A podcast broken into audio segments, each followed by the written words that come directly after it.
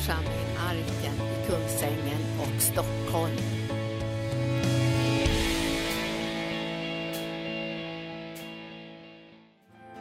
Tack för att du lät den, den naturliga viljan böja sig i Getsemane för en högre kallelse. Där du säger, ske inte min vilja utan din vilja. Och du säger i skriften att du söker inte din egen vilja. Du söker hans vilja som har sänt dig. Och du sa också till alla som var runt omkring dig, att göra Faderns vilja, det var mat för dig. Det var inte sorg och bedrövelse och bundenhet och lagiskhet och förkastelse. Men att få göra din vilja, det var den djupaste, starkaste tillfredsställelsen i livet. Att få tjäna dig och följa dig. För när vi tjänar dig Herre så står vi på helig mark. Vi står på helig mark och vi ser änglar överallt. Och all vrede och all besvikelse, all självupptagenhet får böja sig för ett högre syfte, en högre kallelse. Du har gjort oss värdiga en högre kallelse och vi ber här om smörjelsen att få leva värdiga den högre kallelsen. Att inte gå ner i smutsen och bitterhet och oförlåtelse, utan leva i en högre smörjelse och härlighet. Där din, din skönhet kan flöda genom våra liv. Där vi ber en väldoft för dig i den här världen. Där vi går fram i segertåg. Och vi ber här att församlingen Arken, det nordiska centret, ska få vara en välsignelse för folk över hela jorden. Och vi lyfter de olika fälten inför dig Herre. Vitryssland och Filippinerna, Afrika, Guatemala. Indien och Nepal och Israel. Ja, du vet alla platser som du har kallat oss till. Och vi ber att det ska vara arbetare som kommer till skörden, men som inte är bittra eller arga eller besvikna, men som är fyllda med kärlek, kreativitet och glädje och stolthet över att få tillbe dig först och sen tjäna dig. För vi ska tillbedja först innan vi kan tjäna. Vi tar emot din kärlek först innan vi kan ge den vidare. Och därför ber vi Herre att under 2018-2019 ska tillbedjan, kärlekssmörjelsen öka, inte bara i arken utan i församlingar ut över hela jorden. Och utifrån den kärleken som vi tar emot från dig när vi tillber dig, ska vi tjäna i en hög ande, i en stark ljuvlig smörjelse och evangelium ska bli synliggjort för människor ut över hela jorden. I Jesu namn. Amen. Tack Linda och Tor. När vi tjänar Herren så står vi på helig mark. Tack Jesus. Idag ska jag tala lite om det här att um, ha Jesus som Herre. Och det står ju i Romarbrevet kapitel 10 att hur man blir frälst. Och man blir frälst genom hjärtats tro och munnens bekännelse. Alltså det måste hända något både på insidan och något som måste komma ut ur vår mun. Och när man blir frälst så står det att man bekänner att Jesus är Herren, eller Herre också. Han är både Herren, alltså Gud, men han är också Herre. Och Jesus säger ju så att man kan inte tjäna två herrar.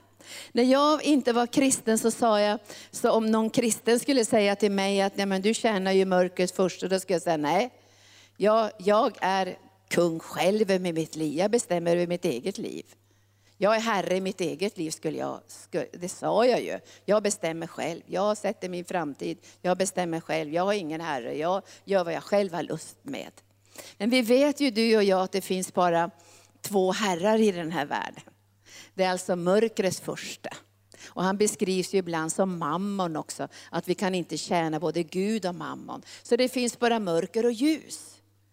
Och vi hörde igår också när Peter predikade att synd är inte först och främst de saker som vi gör, utan det är ett tillstånd av andligt mörker, att vi är separerade ifrån Gud. Så när evangelium predikas berättar vi för människor att de är skapade för att älska Gud. Att alla de djupaste behoven ska bli mötta genom kärleksrelationen. Och att vi är kallade att tjäna Gud, inte som slavar, utan i partnerskap i gemenskap, i en kärlekssmörjelse där du och jag blir delaktiga i hans drömmar och hans planer som är mycket, mycket, mycket större än det som vi har i våra hjärtan. Och som vi hörde Torbjörn säga, så vidgar vi våra hjärtan varje dag i kärleksrelationen. För att mer och mer av Guds drömmar ska kunna förankras och rotas i vårt innersta. Och därför behöver vi varandra, så att vi kan gå vår givna bana och gensvara just till det som Gud har lagt i våra liv.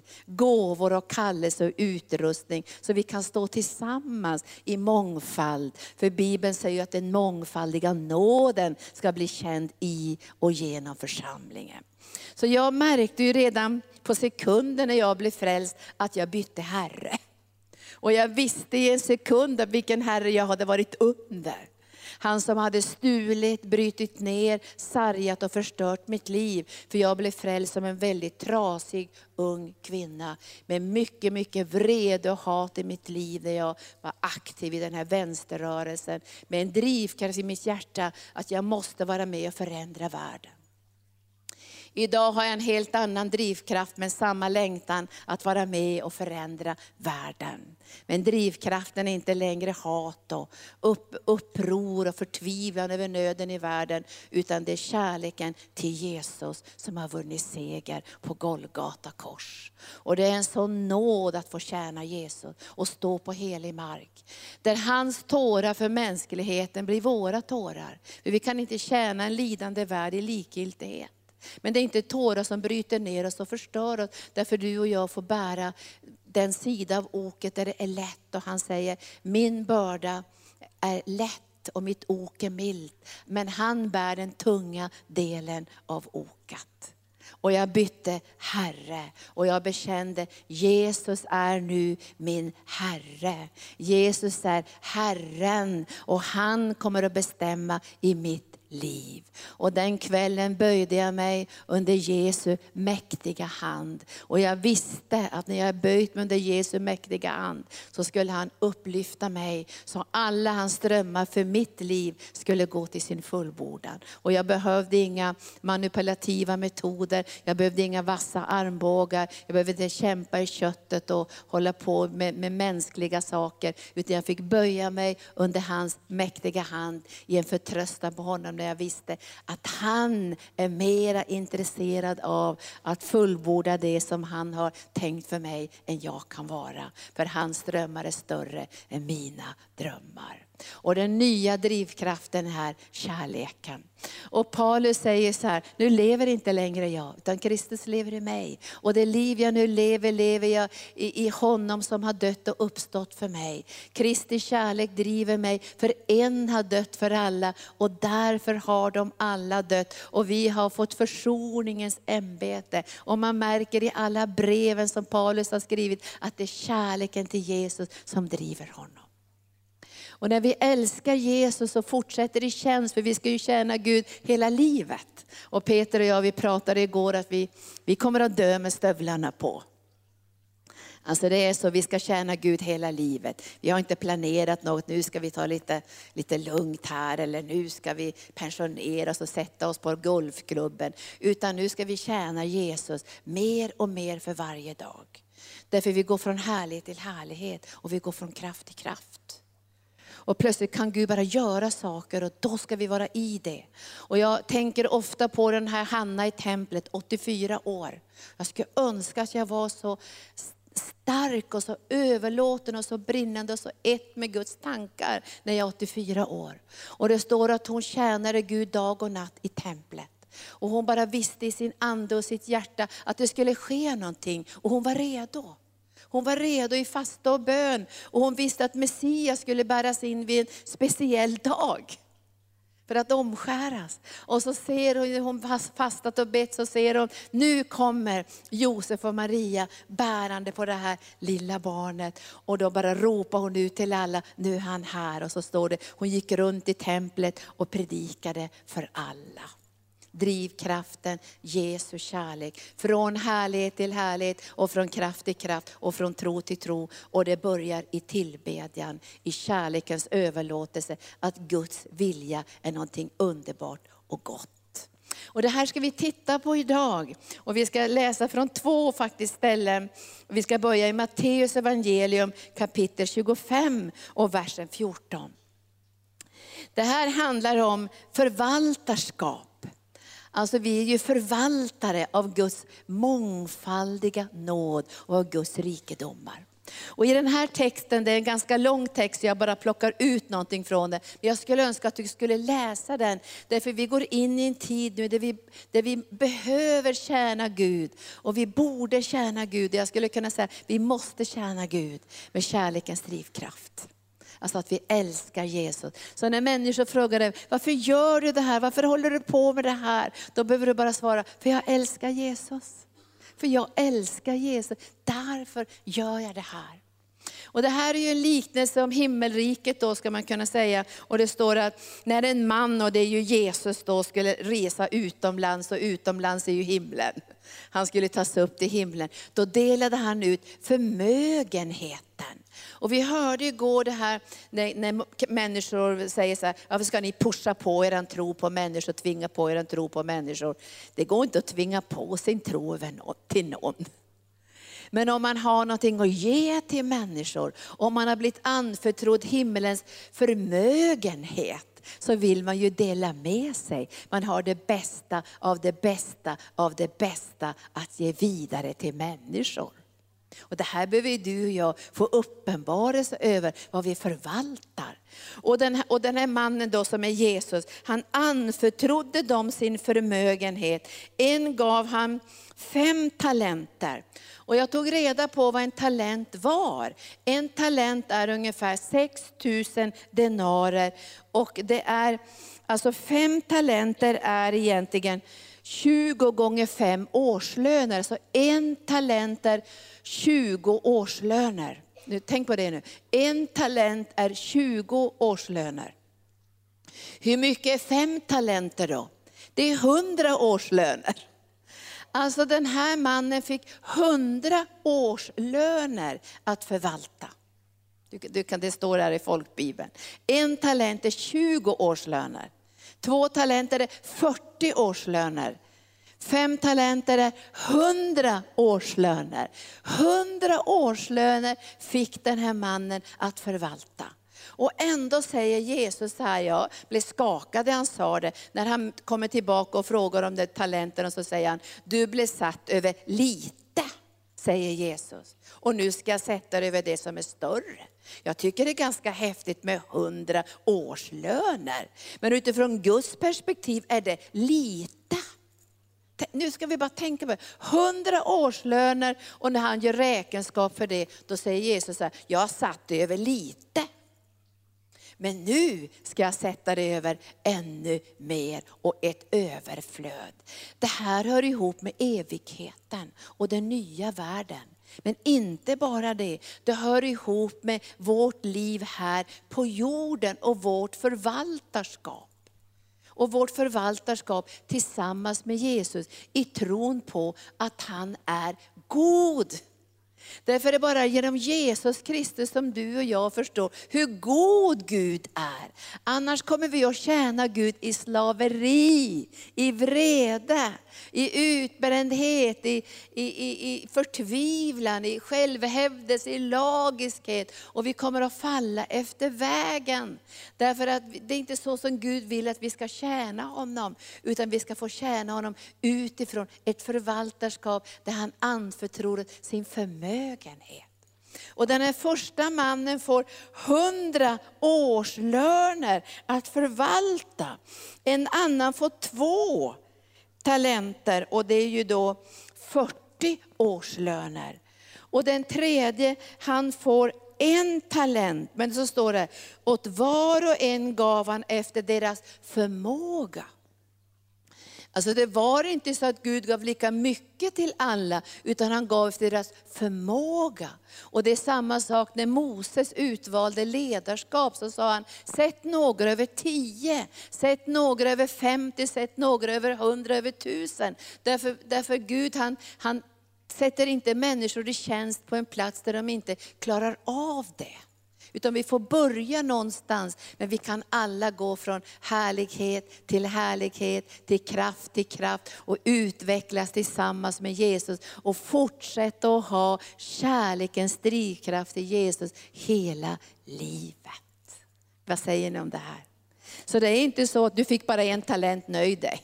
Utan du som har fått en talent, kanske Gud har börjat där. Du vet att det är väldigt skillnad på någon som är född med silversked i munnen. Du kanske föds med en Maserati andligt sett, eller en Jaguar. Och någon annan föds med en trasig folkvagn. Och så sätter vi igång. Och du hackar fram med din trasiga folkvagn och de andra bara tjo, kör förbi. Alltså vi startar med olika förutsättningar i livet. Men vi behöver inte sluta med, med, med olika förutsättningar, utan vi kan gå från härlighet till härlighet. Så det kan hända ibland att den som startade med en talent kommer att gå i mål med hundratusen talenter. Säger ni det här? Därför det här är Guds verk. Men jag tycker ändå att det är underbart att Gud är så nådefull, så han säger, börja nu här. Och den här mannen som bara fick en talent, han hade väldigt mycket fruktan i sitt liv. Han hade en felaktig gudsbild och han, han såg på sig själv som någon som skulle bli anklagad och han tyckte att Gud var ond. Och han, ja, kanske han tänkte så här, om jag får en talent då ska Gud inte ha med den att göra. Men Gud har, har ju rätt att titta in i våra liv överallt. Under vilken tid än som finns i våra liv så står det att Gud kommer att skörda där han inte har sått. Det är för jag som har sått ihop med honom. Men han har rätt att komma och skörda när han vill. Han har rätt att komma och samla in det, för det, han är ju ägare till allt och också till mitt eget liv.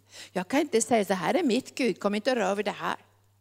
Utan jag vet om att om Gud vill röra vid något med mitt liv, så är det med sin kärleksfulla hand. Och det kommer att komma full välsignelse utifrån det som han berör i mitt liv. Han kommer inte för att stjäla och slakta och förgöra.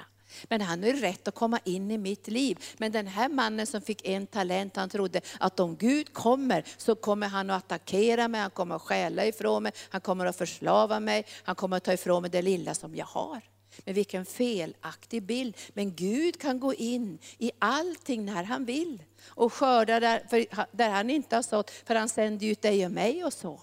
Men han är ju med oss alla dagar och sen skördar han, så hämtar han in och så leder han oss och förvandlar han oss. Men nu ska vi se vad som händer här. Därför, därför att när man läser den här texten om talenterna så ser man ju att det är själva Guds uppenbarelse som är avgörande hur du och jag kan förvalta. Så när Jesus nu kommer in i den här berättelsen och, och frågar den här mannen som fick fem talenter, så säger han den här, jag läser, börjar med fem talenter, den tjugonde versen. Den som hade fått fem talenter kom fram och bar fram fem talenter och sa, Herre du anförtrodde mig fem talenter, här är fem till som jag har tjänat. Hans herre sa till honom, bra du gode och trogne tjänare, för du var trogen i det lilla. Jag ska sätta dig över mycket, gå in i den herres glädje. Visst är det vackert där? Jag satte det över lite. Så han fick 100 årslöner och när han kom tillbaka var det 200 årslöner. Och ändå säger Jesus, ja jag satte det över lite. Men nu ska jag sätta det över mycket. Gå in i din Herres glädje. Alltså det finns en glädje i tjänsten som Gud vill att du och jag ska få uppleva varje dag. Att få tjäna Herren är det största, mest underbaraste och härligaste som finns i våra liv. Och jag tror att djävulen vill stjäla vår glädje i tjänsten. Alltså han vill göra oss till någon slags slavar. Och om du håller kvar där så ska jag bara läsa för dig här också ifrån Lukas evangelium kapitel 15. Så läser jag bara lite grann den förlorade sonens liv. Den förlorade sonen är ju en berättelse som vi ofta berättar, men den hemmavarande sonen tycker jag nästan är viktigare i den här texten, i alla fall idag. Därför den hemmavarande sonen var arg. Alltså han var arg. Och det finns många kristna som är arga. Och drivkraften att vara arg är inte bra. Och många gånger kan vi bli arga därför att skörden är så stor och arbeten är så få. Att drömmarna som vi har och ser vad Gud vill göra både i arken och internationellt är så stora, men så ser vi det saknas folk, det saknas resurser, det saknas människor som har gensvarat och då kan man bli arg. Och Marta hon var ju arg. Och jag ska säga, låt oss inte få hörntänder 2018-2019.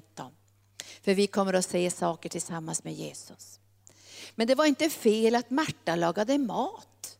Men felet med Marta i Bibeln var att hon inte gjorde det ihop med Jesus.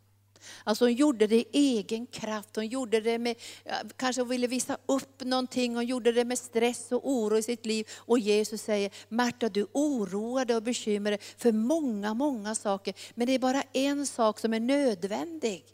Och det, det, är att först sätta sig vid Jesu fötter och få den kraften, smörjelsen, utrustningen och kärleken, tillbeden för att kunna tjäna honom. För en del måste ju laga mat. Andra måste städa och ta hand om barnen och andra måste göra grovjobbet ute på fältet och bära stolar och man hyr lokaler och allt sånt där. Men vi ska göra allting tillsammans med Jesus i en andlig kärleksrelation. Men den hemmavarande sonen hade en felaktig bild av fadern. Men det trista är att han som lämnade hemmet hade också en felaktig uppenbarelse om vem fadern var. Men sen fick han ju klarhet. Men nu ska vi se vad som händer i den här hemmavarande sonen. Den hemmavarande sonen får höra att det, det, det pågår någonting kul någonstans.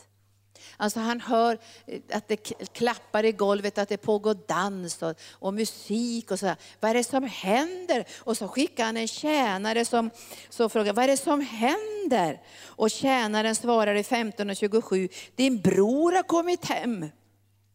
Och din far har slaktat gödkalven eftersom han har fått honom välbehållen tillbaka. Och jag tror, jag vill säga till er idag, att när vi verkligen får väckelse så får vi ganska mycket att göra. Så är det. Alltså det är inte lätt att prata om väckelse. Och, men när människor blir väckta och människor är sargade och människor vill komma till församlingen och människor vill ta din tid och människor vill komma hem till dig och det är otroligt många utmaningar. Då måste vi behålla en glädje som kommer från himlen. Som inte hör ihop med vårt eget och vi måste lägga våra liv på altarplatsen för ett högre syfte. Men det är jättelätt att prata om väckelse bara, det är ju som honung i munnen. Men sen ska vi leva ut det här i en drivkraft från Gud. Men när han hörde det här då blev han arg. Alltså vi får inte bli arg när väckelse kommer och Guds godhet blir utgjuten. Då måste vi bli glada och vi måste ha upplevt Guds godhet i våra egna liv och få känna det där, tänk att jag får tjäna Gud. Tänk att jag får stå till Guds förfogande. För jag blev lite sur, alltså det var många, många år sedan när, när, när, när, när Gud sa till mig, så här, Linda, ser du med onda ögon på att jag är god? För jag tyckte det måste vara någon rättvisa. Ska han ge högre lön till de som har jobbat en timme än de som har jobbat hela dagen? Vad säger ni som har rättskänsla? Och de som, de som såg det här blev ju arga och sa, det är klart att de som har jobbat hela dagen ska ha mera lön än de som har jobbat en timme. Och då sa han till mig, ja men jag tycker det också Gud, sa jag när jag läste texten. Och då sa Gud, ser du Linda med onda ögon på att jag är god? Och jag fick tänka på det där. Och så sa Gud så här, de här människorna som kommer in i elfte timmen, ser ni det? Som, som kanske bara får tjäna Gud i en timme. Borde inte de kompenseras? Vad säger ni? Tänk de som kommer in så här kanske 65 år och 70 år och blir frälsta på slutet. De som har förstört sina liv och kanske knarkat sönder sina liv och så kommer de in på slutet. Skulle de inte kompenseras? Så jag tänkte, men det är ju typiskt Gud. Men om vi har en felaktig bild på att tjäna Gud, då blir vi ju sura. Men det är ju fantastiskt underbart att du och jag som är här har fått tjäna Gud ganska många år. Birgitta var ju över 30 när hon blev frälst. Jag var ju 23, nästan på väg till 24. Men en del av er som Gunnar har ju känt Gud i hela sitt liv. Det är klart att han tycker att de som har fått tjäna Gud en timme ska kompenseras med dubbelt upp och tredubbelt upp och femdubbelt upp. Det är typiskt Gud. Och därför kommer det att bli en otrolig fest när människor kommer in som har förstört sina liv. För de måste kompenseras av Guds godhet. För de har sett så mycket mörker och de har varit utsatta för så mycket mörker. Och de har en sån felaktig bild många gånger av Gud så de måste kompenseras med en dubbel dos av Guds kärlek. Vad säger ni om det? Visst är det bra det här? Och då måste vi bli glada. Då får inte vi tänka så här, nu kommer de och jag har slitit och släpat här och kämpat och haft mig och ska de komma här och få dubbel dos? Och så den här hemmavarande, han är lite arg. Var inte arga, låt vreden stillas vid korset. Det står i Bibeln, vredgens med synden inte. Förlåt människor som har gjort det illa, för straffet är redan utmätt och Jesus tog all straff. Förlåt, lev inte i det där så det smakar liksom någon gammal bitterhet eller vrede både på Gud och människor. Vi ska vara på ett högre plan i den heliga Ande, eller hur? Och den här hemmavarande sonen, han blir så arg och vill inte gå in. Det står, det står faktiskt så 28 versen. Och då blev han så arg och ville inte gå in. Och när pappan går in på festen så säger han, var är brorsan någonstans? Nej men han är arg och inte vill gå in. Han sitter utanför och är jättearg. Och pappan sa, varför är han så arg? Och pappan går ut till honom och så står det så här, hans far kom ut och försökte övertala honom. Men han svarade sin far, här har jag slavat för dig. Jag kan känna, liksom, här kan man riktigt känna den här känslan, jag har slavat för dig. Vi slavar inte för Gud, det är nåd utöver nåd utöver nåd att få tjäna Herren. Att få stå på helig mark. Att hans drömmar blir mina drömmar, hans tårar blir mina tårar, hans glädje blir min glädje. Och jag vill inte tappa bort det. Det vill inte du heller. Och han säger, jag har slavat för dig. Och, och, all, och så säger han, alla dessa år, man kan riktigt känna hur många år har du tjänat Gud. Jag har slavat för dig nu Gud i över 42 år. Man kan riktigt känna hur sur jag skulle vara när de här kommer in som har levt i världen och syndat och härjat. Och så kommer de in och så får de tredubbel dos av den helige Ande. Men då säger jag, tack att jag har fått tjäna dig i 42 år. Nåd utöver nåd, utöver nåd, utöver nåd, utöver nåd. Men han säger, jag har slavat för dig och jag har aldrig gått emot ditt ord som du, och, och som, som, jag, sa, jag har aldrig gått emot ditt ord och mig har du aldrig ens gett en killing. Vad tänker, vad är det för hemska ord han har levt i? Han måste ha varit i lagiskhetens tvångströja. Alltså varit piskat varje dag och jag måste gå och undervisa i bibelskolan. Tänk om jag sitter här, nu har jag, haft, jag, vet, jag har gått på bibelskola i över 35 år. Först var jag på Tronsväg och sen var jag på Södermalmskyrkan, sen var jag på Livets Ord och sen har jag varit här i 30 år på Arken. Och jag tackar Gud för att jag får gå i bibelskola varje dag. Men tänk om jag satt hemma på morgonen och måste jag dit igen? Åh, oh, jag ska varken gå dit nu, Gud jag har ju hållit ditt ord och jag känner piskan på mig. Måste jag börja i september igen med den där bibelskolan? Jag har ju hållit ditt ord Gud, jag är trogen, ge mig tappermedaljen. Tänk om jag skulle få en tappresmedalj. Åh, ge Linda. Hon har stigit upp varje morgon för att tjäna. Jag behöver ingen Tappresmedalj. Jag säger, det är en nåd utöver nåd utöver nåd. Att få tjäna den levande Guden. Att få gensvara. Men så säger jag, jag har aldrig fått ha något roligt heller. Jag har slavat här och jag har inte ens fått en killing så jag kunde fira med mina vänner. Men när den där odågan kommer hem som har festat bort din förmögenhet tillsammans med horor man kanske, hör ni känslan? När den där odågan kommer hem som har festat bort din förmögenhet tillsammans med horor, då har du slaktat gödda kalven. Men fadern sa till honom, mitt barn, du är ju alltid hos mig. Och sen kommer orden, allt mitt är det här betyder att du och jag som barn i huset kan gå in i skafferiet, i kylskåpet, i förråden och hämta ut. Tänk att ha en sån grotesk bild av Gud. Och nu när jag läste det här så var det som att Gud sa, det kan man ha hemma också. Mitt i församlingen kan man ha en felaktig bild av Gud. Alltså fast man går varje möte så kan man ha en felaktig bild av Gud. Och därför måste vi få våra ögon öppna de här veckorna. Alltså jag ber till Gud i varenda möte jag är på, öppna mina ögon så jag ser vem du är Gud. Hur privilegierad jag är, hur älskad jag är, hur dyrbar den här rikedomen du har gett till mig. Och jag vet inte om jag har fått fem pund. Kan hända att jag fick ett pund när jag startade min tjänst. Men jag sa till Herren i alla fall, det du har lagt i mitt liv av din förmögenhet, det tänker jag förvalta. Så när jag en dag kommer till himlen så ska jag kunna ge tillbaka i fullt mått allt det du planterade in i mitt liv. Och det är bara nåd. Och nu går vi tillbaka till han som grävde ner då.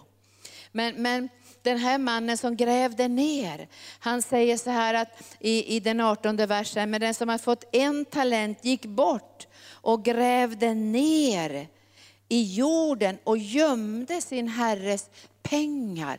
Du och jag får inte gömma det Gud har kallat oss att förvalta. Alltså vi får inte gömma det, men vi får inte gräva ner det i jorden heller. Utan vi måste förvalta det här, för det är Guds förmögenhet som han har fördelat in i sina vänner skulle man kunna säga. För han säger så här, jag kallar er vänner, för ni får veta allt som jag gör. Och nu ska vi se han som fick en talent, vilken felaktig bild han hade av Gud. Även den som hade fått en talent kom fram och så sa han, Herre jag visste att du är en hård man. Du är en hård man som skördar där du inte har sått och samlar in där du inte har strött ut. Han såg inte att han var i partnerskap med Gud. Att de var i en kärleksrelation, i en enhet i kallelsen och tjänsten. Han tänkte fel, han tänkte sitt liv själv utan Gud. Det blir jobbigt va? Att tänka, nu är jag frälst och nu ska jag försöka tjäna dig så gott jag kan. Och då är det bättre att jag gräver ner allting så jag åtminstone har kvar det, det du gav mig så jag kan ge tillbaka det som är ditt. Det som är ditt. Men jag ska säga så att allt som jag har är Guds. Allt som jag har är Guds. Jag kan inte säga så här, ta tillbaka det som är ditt. Utan jag måste säga, allt det som jag har är ditt. För när jag blev frälst så gav jag mitt liv till Jesus. Och sen la han in sin förmögenhet in i mitt hjärta. Men allt som jag äger, min tid, min utbildning, min utrustning, mina ekonomiska förutsättningar, mitt materiella, det tillhör ju Jesus. Och han har väl rätt att skörda när han vill i mitt liv, eller hur? Han kan ju komma in i mitt liv och skörda när han vill. För han har ju rätt att skörda i mitt liv. Han äger ju ändå allting. Och för mig är det en fantastisk nåd att veta att han äger allting.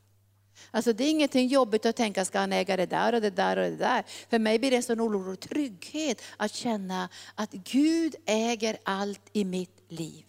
Allting tillhör Gud och sen tänker jag, då tillhör ju allt som han har mig. Och det är precis det han säger. Gå in i förrådshuset, allt mitt är ditt. Han kunde ha fått en killing varenda dag. Han kunde ha fest varje dag. Därför allt som fadern ägde tillhörde den hemmavarande sonen. Han hade kunnat leva ett sånt rikt och fantastiskt underbart liv i en sån glädje. Och han hade kunnat fröjda sig när hans brorsa kom hem, även om han hade förslösat förmögenheten. Och många gånger har ju du och jag förslösat förmögenhet. Det gjorde jag som ung. Jag visste ju inte att Gud hade lagt sin förmögenhet i mitt liv. Jag hade ju kallelse att hjälpa barn när jag var tio år. Jag hade utrustning när det gällde att teckna och måla och jag förstörde mitt liv. Smutsade ner mitt liv och bröt sönder mitt liv och, och förstörde de vackra gåvor som Gud hade lagt i mitt liv. Men jag fick ju tillbaka allting när jag tog emot Jesus som min frälsare. Och jag fick tillbaka det i överflöd. Tack Jesus. Så det är aldrig för sent. Även om vi har slösat bort det så har Fadern förvaltat det. Så vi kan få tillbaka det även om vi har förstört våra liv så ger han ju tillbaka allt det som har gått förlorat och så står det sju gånger. Till och med upp till hundra gånger kan du och jag få tillbaka. Det är Guds hjärta. Men den här pojken tycker att Gud är en hård man och så säger jag var rädd och jag gick och gömde din talent i jorden. Här har du det som är ditt. Och så kanske han bara kastar det tillbaka till Gud. En dag ska du och jag göra räkenskap. Och jag tycker det ska bli en underbar dag faktiskt. Alltså jag ser fram emot räkenskapens dag. För jag vet att det är Gud som äger allting. Han äger jorden, naturen, fåglarna och fiskarna. Han äger mig och han äger dig. Och det här att få tjäna Gud och kanske på sikt få se in i evigheten vad det betydde att du och jag sa ja. Alltså jag tycker det ska bli jättespännande. Det kanske är lite luggslitet här och där och det har varit lite, det gick sönder här och där. Men jag vet att när du och jag kommer att göra räkenskap inför himmelens Gud, så kommer du att se helt uteslutande i Jesus Kristus, allt vad det betydde att du sa ja. Det kommer du att se. Och du kommer att få en sån ofantlig glädje. För Gud säger, gå in i min glädje.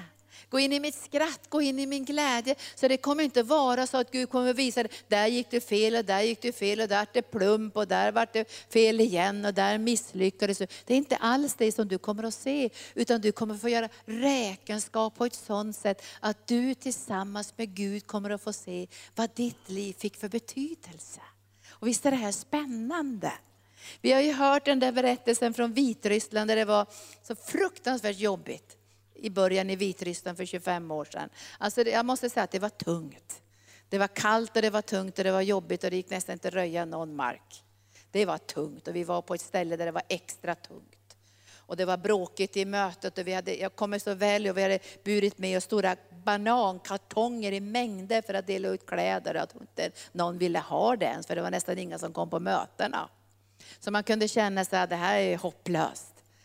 Och ibland så har vi gått igenom de där faserna där det var hopplöst, men ibland får vi reda på vad det betydde att vi åkte dit och gjorde just det där.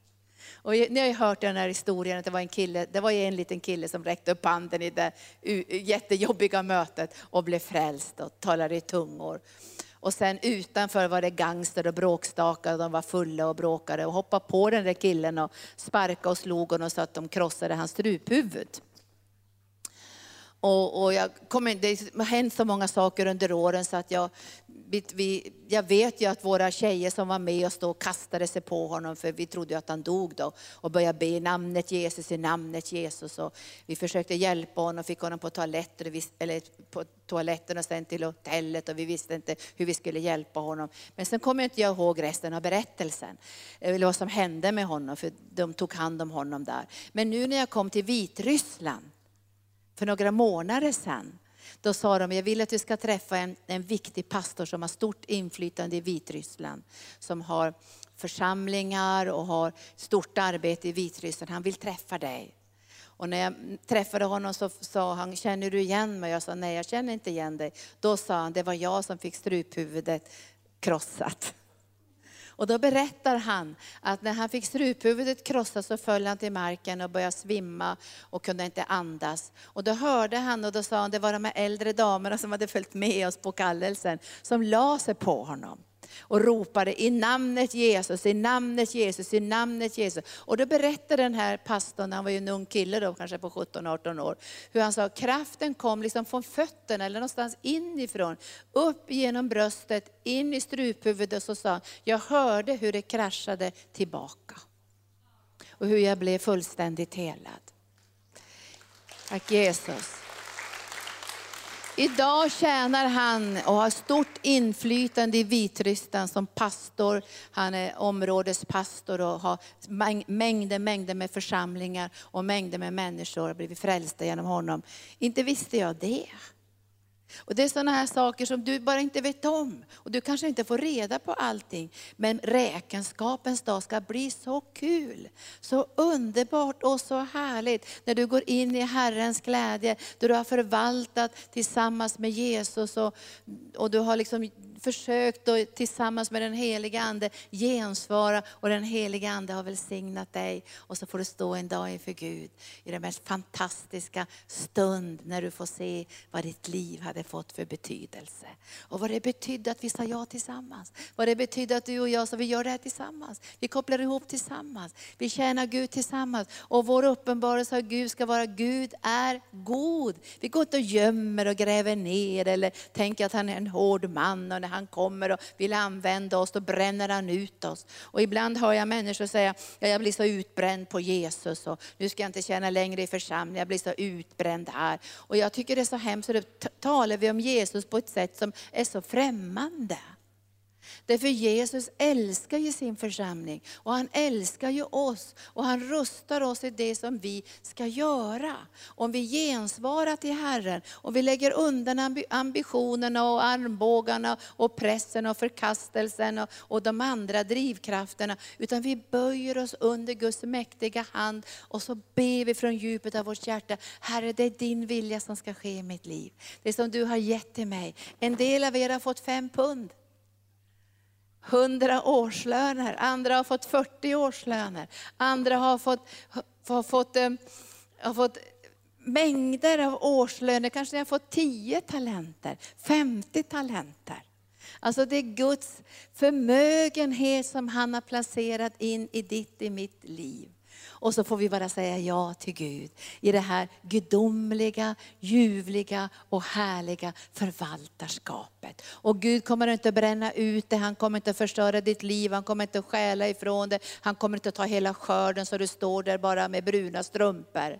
Därför det var så jag trodde när jag var icke-kristen, att tar man emot Jesus så blir man en jättetrist människa med bruna strumpor. Man får inte göra någonting, det är bara tristess och begränsning.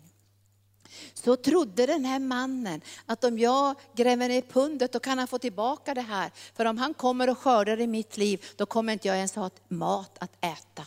Tänk att ha en sån syn på Gud. När Gud ska skörda och han vill liksom, kanske att jag ska utvidga eller ge eller satsa eller någonting. Och nu har Gud talat, nu ska ni satsa i Finland igen. Så vi ska göra kampanj i Finland. Jag har pratat med ledare uppe i Norrbotten nu att vi kanske ska göra kampanj efter jul i Norrbotten som är större än att vi bara besöker en församling. Vi har pratat om att på våren 2019 så gör vi kampanjer i, i, i Filippinerna. I november, december så gör vi kampanjer och, och möter våra syskon i Israel. Vi åker till Nepal och Indien. Och ändå är det här, tycker jag, det är bara som en droppe i havet i allt det som Gud har tänkt för dig och mig. Och jag tror inte att Gud kallar oss och säger, nu ska du känna mig att bli utbränd nästa vecka. Jag tror vi blir vederkvickta, fyllda av den heliga Ande, om vi har rätt inställning. Om han vill skörda i mitt liv så vet jag att jag kommer att få allt vad jag behöver. Eller hur? Han skördar inte allt. Jag tror inte han skördar hela din årslön idag på den här kollekttalet. Nu kom han in och skördade och tog allt från dig. Utan han kanske sa, det här vill jag skörda nu. Så går han in och skördar och då vet du att Gud är så god så det kommer flöda in i ditt liv och det kommer att komma ett överflöd. Tack Jesus. Herren säger, du min trogne och goda tjänare, gå in i min Faders glädje. Tack Jesus. Och nu ska vi be lovsångarna komma upp och vi ska bara tacka Gud. Vi Ska bryta den här känslan av utbrändhet och slaveri och att Gud inte vill välsigna det. Vi har, på något sätt så har vi med oss förkastelse från vårt gamla liv. Visst är det så? Alltså vi är vana att bli skördade och utnyttjade. Jag har många krossade relationer bakom mig. Jag har mycket besvikelse från mitt gamla liv. Jag, jag har mycket sorg som jag har burit på från min barndom. Visst har vi alla det? Och när vi tog emot Jesus så måste vi bara lägga undan de där drivkrafterna. Att nu ska jag tjäna Gud för att bli accepterad och älskad. Och vi blir inte det, vi kan gå med hoven. Och ibland tänker jag, ser en del människor och tänker, gå inte med hoven, du blir bara ledsen. Älska mig, ta emot mig, tycker du att jag är bra nog? Har jag flödat i bra smörjelse? Är, jag är, jag, är de andra bättre än mig? Utan det blir så fruktansvärt jobbigt det där. Vi lägger ner det. Vi lägger det på altarplatsen och så säger vi till Herren, det här lägger vi undan för nu ska vi tjäna dig i en helt annan smörjelse. Där, där vi kan få förnya våra vingfjädrar också. Där vi när vi blir äldre kan få skjuta nya skott och gå från härlighet till härlighet. Men Gud kommer inte att ge dig och förvalta det du inte klarar av. Utan om du har fått ett pund, tacka Gud för det. Men du stannar inte med ett pund. För du kan ditt förvaltarskap en gång gå in i himlen med kanske 500 000 årslöner av Guds härlighet. Och jag vet ju att många kristna är utbrända, förtvivlade, trötta och vill lämna församlingar för att de tycker att nej men vi ska bara jobba, nu är det bara jobba, det är jobba. Vet du, jag, har, jag sa till Gunnar så här, jag har aldrig känt så i hela mitt liv, jag säger sanningen. Jag har aldrig känt så i hela mitt liv att nu måste jag slava och jobba för Gud. Utan när jag tog emot Jesus så kände jag att jag fick nästan jaga honom. Jag, jag, jag, fick hålla tag i hans mantel och säga, om du ska ha något gjort Gud får du ta mig, får du ta mig, jag vill ju vara med. Så jag, jag höll ju tag i honom. Och en gång sa han så här, Linda du ska inte tro att du ska göra allt, jag har andra också. Men jag, jag hade sån längtan att tjäna Gud. Så jag har aldrig riktigt förstått det där när människor säger att de slavar för Gud och nu är det bara jobbigt igen och nu måste de slava igen och nu måste vi bara jobb och jobb och jobb för Gud. Vi lämnar det där. Det är nåd utöver nåd utöver nåd utöver nåd att få lägga ner sitt liv för konungarnas konung och herrars herre och känna, tänk att jag får tjäna Jesus. Och jag får göra det tills jag dör. Jag behöver inte tänka så, nu har jag fyllt 63, nu är det två år kvar, sen måste jag gå i pension och sätta mig på golfklubben. Utan du ska säga, tänk att jag får tjäna Gud hela livet, dag efter dag efter dag. Och känna när åren går att du får en förnyelse i den heliga Ande. Jag är inte trött efter den här veckan. Jag känner inte så här, åh nu måste jag liksom lägga mig i vallgraven ungefär. Utan nu åker jag vidare till Falköp, åker vi till, till eh, Älmhult. Men det är klart jag behöver lite semester också såklart. Men jag känner att, att när vi har rätt inställning till att tjäna Gud. Och jag, jag vet ju ibland har det hänt att jag har gått några dagar så där och känt när jag har glömt bort den rätta drivkraften. Jag ska tillbedja först och sen ska jag tjäna. Det börjar från tillbedjan, dricker från Guds ande och sen utifrån det så får du och jag tjäna den levande guden. Och så säger vi, kom och hösta, kom och skörda in i mitt liv. Kom och skörda nu Gud. Finns det någon skörd, kom och skörda. Kom och skörda. Och så kommer han och skördar. Och så märker du att genom ditt liv har kanske tusentals människor blivit frälsta och helade. Eh, eh, Charlotte, min medarbetare, var ju med mig i Nepal och hon hade inte varit på det här sättet i förbönstjänsten som vi var just där. Därför när vi gick ner bland de här hundratals människorna, bara sträckte ut vår hand så här, så föll de baklänges på golvet, grät och skrek. Därför Guds ande löste från så mycket smärta. Och jag kommer ihåg, jag, jag brukar ofta skoja med Charlotte och säga, då stod hon där så här, This is not me, this is God, this is not me, this is God. Det här är inte jag, det här är inte jag, det här är Gud. Men det visste ju alla, det var Gud. För det var så ett flöde. Men vi var så förvånade över att Gud kunde uppenbara sig på ett sånt fantastiskt underbart sätt. Och nu går vi in och vi hörde Torbjörn säga, vi vidgar vårt hjärta först, vår boning. Och då blir det automatiskt att vi också vidgar vår kapacitet och våra möjligheter att tjäna Herren. Men vi kastar bort ifrån oss all den här lagiskheten, förkastelsen, utbrändheten, slaverimentaliteten, det här att jobba för Gud-mentaliteten. Jag jobbar inte för Gud, jag tjänar Gud. Jag älskar Gud. Så vi lägger undan det nu. Vi ber att den heliga Ande Finns det dåliga erfarenheter, att du känner att människor har pressat dig? Eller att du har känt dig pressad att göra saker i, i egen kraft. Ska du få komma tillbaka idag till en plats i anden där du bara tillber Jesus. Bara älskar Jesus. Hans drömmar ska bli dina drömmar. Hans tårar ska bli dina tårar. Hans planer ska bli dina planer. För du står på helig mark. Och vi ser änglar överallt. Förlåt oss Gud att vi många gånger har varit som den hemmavarande sonen. Eller han som grävde ner sitt pund för vi såg dig som hård slavdrivare. Och vi såg inte att vi hade tillgång till hela himmelrikets härlighet. Där vi kunde hämta ut hälsa, föryngring, glädje, kraft, inspiration, vision att tjäna dig. Och jag vet här att det här är ingenting som ledarskap kan göra själva, utan vi måste som hela Kristi kropp, som din kropp Jesus, Jesus, ge vårt gensvar med fem pund och två pund och ett pund och kanske 500 pund. Vad vet jag, vad du planerar och placerar in i människors liv. Men vi önskar att det du har lagt i våra liv ska få ära dig. Vi tänker inte bygga vårt eget rike, vi tänker inte bygga kring oss själva och vara vår egen Herre. Vi lägger våra liv, resonto kiria, på altarplatsen. Rensa undan alla felaktiga tankar, all utbrändhet, all sorg, all vrede. All, all den här vreden som, som många bär på Gud, arg över att andra är välsignade. Det känns som de har slavat och, och jobbat. Men vi vill få bort den här känslan idag Jesus. För nu går vi in i en ny tid tillsammans med dig. Och vi önskar vara trofasta Herre, så människor ska känna sig trygga i arken. Att vi inte fladdrar iväg utan vi är trygga i arken. Så när de nyfrälsta kommer och de ofrälsta kommer ska de känna här finns det föräldrar, här finns det mormor och morfar, här finns det syskon, här finns det mammor och pappor, här finns det bröder och systrar, här är det stabilt. Här finns det en familj där man kan lägga sitt liv i familjens hjärta. När man är bruten och sargad och trasig från barndomen så finns det en församling med trygghet och överlåtelse.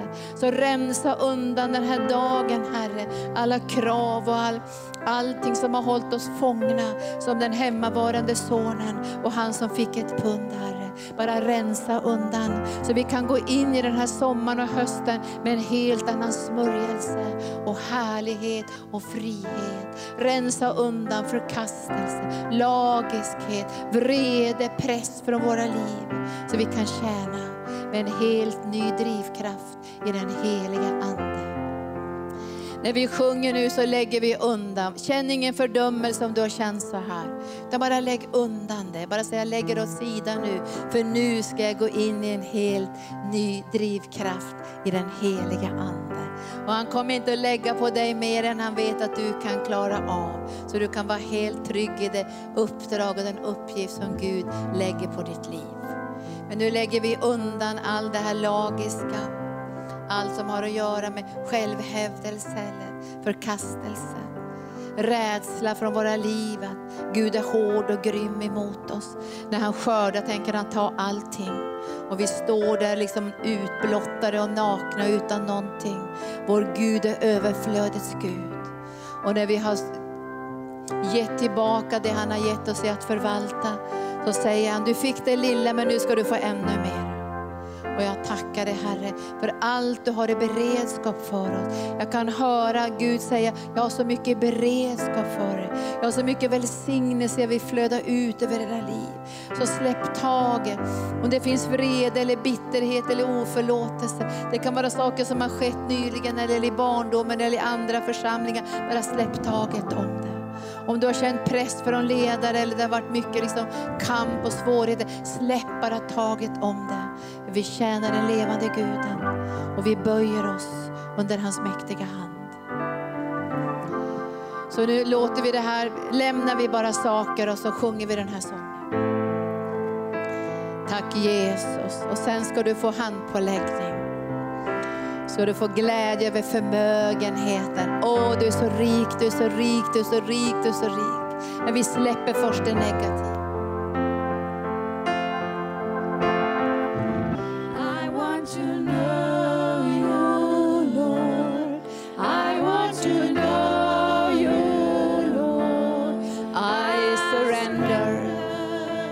I surrender. I surrender. Och vi ber Herre att du ska kunna skörda från våra liv och ha glädje när du skördar i våra liv. För det ska vara mycket frukt i våra liv så du ska bli förhärliga Jesus. Och vi är så tacksamma att du vill använda oss Herre. Att du inte, att du inte begränsas av våra brister Herre. Utan vi får lägga oss på altarplatsen så överskyler du en mycket av brist. Och lovsång får gå via Jesus Kristus och ära Fadern. Så vi tackar dig Gud för att du har planterat din förmögenhet i våra liv. Och att vi får bära den förmögenheten i våra enkla lerkärl. Men vi överlåter oss i en sån tacksamhet till dig Gud att du vill använda den här församlingen och använda dina ledare här och bibel, bibellärare och alla underbara elever och församlingsmedlemmar. Att vi får vara ett nordiskt center och välsigna Danmark, Island, Finland och Norge. Att vi får nå ut över baltiska staterna, Vitryssland, men långt ut i jordens ändar. Vi tackar dig Gud för Israel som vi håller kär. Och vi tackar dig för alla de länder vi har fått beröra. Och vi vet Herre att det vi gör, det gör vi för dig Jesus. Vi gör det bara för dig. Och när, när vi får se frukten av vårt arbete så häller vi ut det som ett offer inför ditt ansikte. För det är bara du som ska ha äran. Utan dig kan vi ingenting göra, men med dig kan vi göra allt. Så vi tackar dig Gud för nåd utöver nåd utöver nåd, att få tjäna dig. Och vi står tillsammans nu under sommaren, under hösten. Och vi ber Gud att många ska gensvara och bli bibelelever, komma till den här platsen och tjäna dig, den levande guden, och välja den bästa delen, den nödvändigaste delen och sitta vid dina fötter. För det är du som är vår bibellärare, det är du som är vår Herre. Och vi som bibellärare, vi bara får tjäna dig Jesus och böja våra knän varje år för att vara inför ditt ansikte och flöda i din ande. Och jag ber om rekreation och förnyelse i alla bibellärare under den här sommaren. Att när de kommer tillbaka till hösten är de taggade i den heliga Ande, fyllda med glädje och kraft inför det underbara läsåret som är på väg. Och vi tackar dig Gud för allt, allt, allt underbart och ljuvligt och härligt som du vill göra genom den enskildes liv och genom oss tillsammans. Så kom med uppmuntran nu Jesus, kom med uppmuntran. Kom med uppmuntran, kom med uppmuntran. Åh, vi prisar dig, vi prisar dig. Åh, vi lovar dig, vi lovar dig.